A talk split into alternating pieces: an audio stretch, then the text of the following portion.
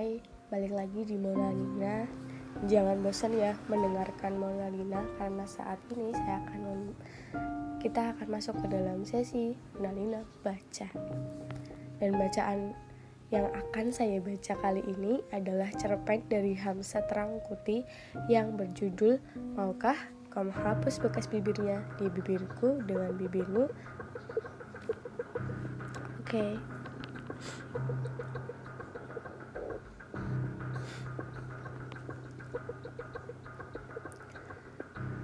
Maukah kau menghapus bekas bibirnya di bibirku dengan bibirmu? Seorang wanita muda dalam sikap mencurigakan berdiri di pinggir geladak sambil memegang tali kapal. Dia tampak sedang bersiap-siap hendak melakukan upacara bunuh diri, melompat dari lantai kapal itu.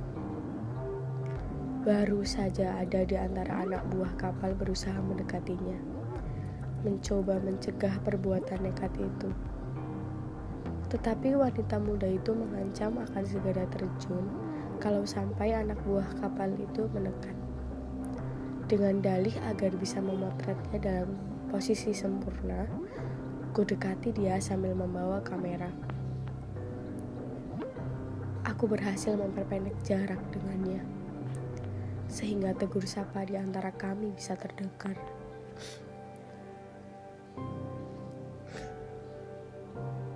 Tolong, ceritakan sebab apa kau ingin bunuh diri.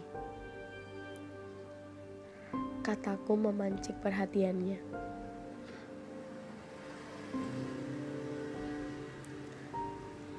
Dia tak beralih dari menatap kejauhan laut. Di sana ada sebuah pulau Mungkin impiannya yang telah retak menjadi pecah dan sudah tidak bisa lagi untuk direkat. Tolong, ceritakan penyebab segalanya. Biar ada bahan untuk kutulis. Wanita itu membiarkan sekelilingnya. Angin mempermainkan ujung rambutnya, mempermainkan ujung lengan bajunya, dan tampak kalau dia telah berketetapan hati untuk mengambil sebuah keputusan yang nekat. Tiba-tiba dia melepas sepatunya, menjulurkan ke laut. Ini dari dia,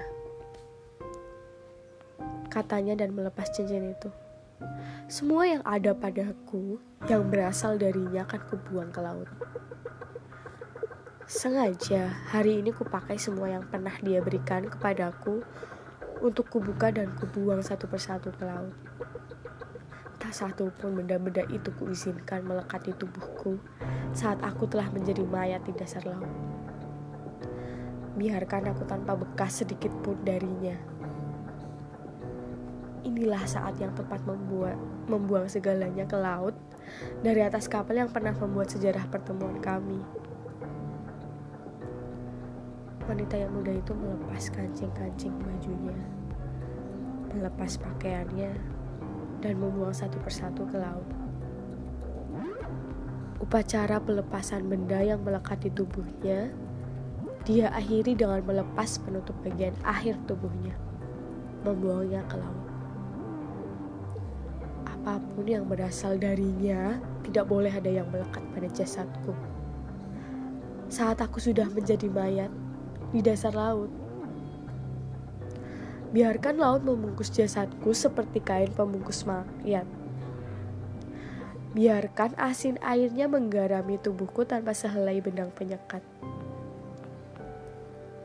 Wanita yang telanjang itu mengangkat sebelah kakinya melampaui terali. Bersiap-siap membuang dirinya ke laut. Kamera kubidikan ke arahnya. Di dalam lensa terhampar pemandangan yang fantastis. Wanita muda dalam ketelanjangannya berdiri di tepi geladak dengan latar ombak dan burung camar. Sebuah pulau berbentuk bercak hitam di kejauhan samudera terlukis di sampingnya dalam bingkai lensa. Sebelum melompat, dia menoleh ke arahku. seperti ada yang terbesit di benaknya yang hendak ia sampaikan kepadaku sebelum dia melompat mengakhiri ombak. Ternyata tidak segampang itu membuangnya segalanya. Ada sesuatu yang tak bisa dibuang begitu saja. Dia diam sejenak, memandang becak hitam di kejauhan samudera. Dipandangnya lekung langit, agak lama, lalu bergumam. Bekas bibirnya, bekas bibirnya tak bisa kubuang begitu saja. Dia berpaling ke arahku. Tatapannya lembut menyejukkan. Lama dan agak lama mata itu memandang dalam tatapan yang mengembang. Maukah kau menghapus bekas bibirnya di bibirku dengan bibirmu? Katanya dalam nada ragu.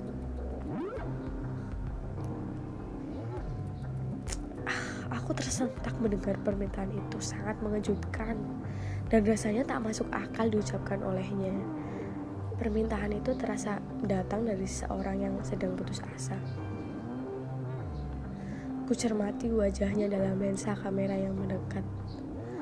Pemulas bibir berwarna merah tembaga dengan sentuhan warna emas memoles bibirnya. Menyiratkan gaya aksi untuk kecantikan seulas bibir Tidak akan kubiarkan bekas itu terbawa ke dasar laut. Maukah kau menghapus bekas bibirnya di bibirku dengan bibirmu? Tolonglah, tolonglah aku melenyapkan segalanya. Orang-orang terpaku di pintu lantai geladak berteriak kepadaku. Lakukanlah, lakukanlah, lakukanlah, lakukanlah.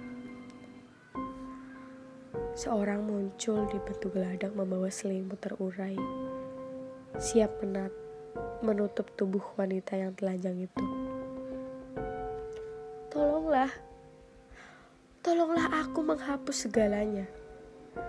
Jangan biarkan bekas itu tetap melekat di bibirku dalam kematian di dasar laut. Tolonglah, lakukanlah, lakukanlah, lakukanlah. Teriak orang-orang yang menyaksikan dari pintu lantai geladak. Aku hampiri wanita itu. Orang yang membawa selimut berlari ke arah kami, menyelimuti kami dengan kain yang terurai. Dalam selimut, ku cari telinga wanita itu.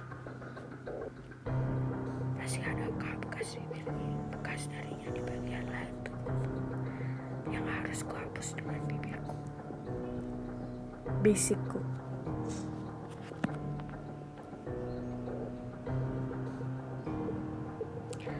Saya Chen Chen Pak. Kata wanita itu memperkenalkan dirinya begitu aku selesai menyampaikan cerpen lisan itu dan berada kembali di antara penonton.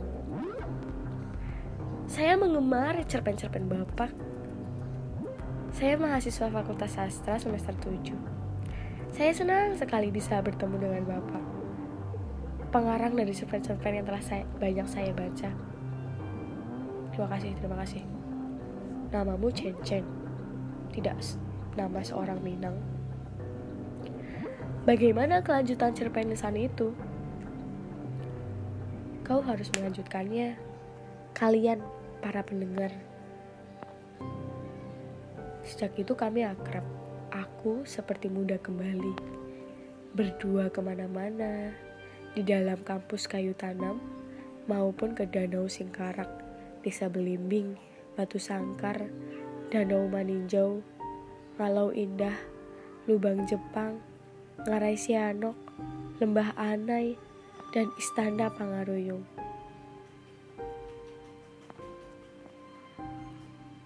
Besok, adalah hari terakhir aku di kayu tanam. Aku harus kembali ke kehidupan rutin di Jakarta. Perpisahan itu kami habiskan di kawasan wisata luar kota Padang Panjang. sebuah kawasan semacam taman berisi rumah gadang dari berbagai daerah di Minangkabau. Kawasan itu bersebelahan dengan lokasi pusat dokumentasi dan informasi kebudayaan Minangkabau. Tempat itu disejuk diliputi kabut, terkenal sebagai kota hujan. Sebentar-sebentar, kabut itu melintas menutup kawasan itu. Kami mencari tempat kosong di salah satu bangunan berbentuk payung dengan meja bulat dan kursi sandar melingkar yang disediakan untuk para pengunjung duduk-duduk memandang puncak Gunung Merapi. Kami berkeliling mencari tempat kosong, tetapi semua bangunan-bangunan kecil itu telah dihuni pasangan-pasangan remaja. Mereka duduk memandang lembah dan lereng gunung yang terus-menerus diselimuti kabut yang datang seperti asap hutan kebakar. Kami akhirnya duduk di hamparan rumput berbukit di antara rumah gadang panjangan dalam ukuran yang sebenarnya.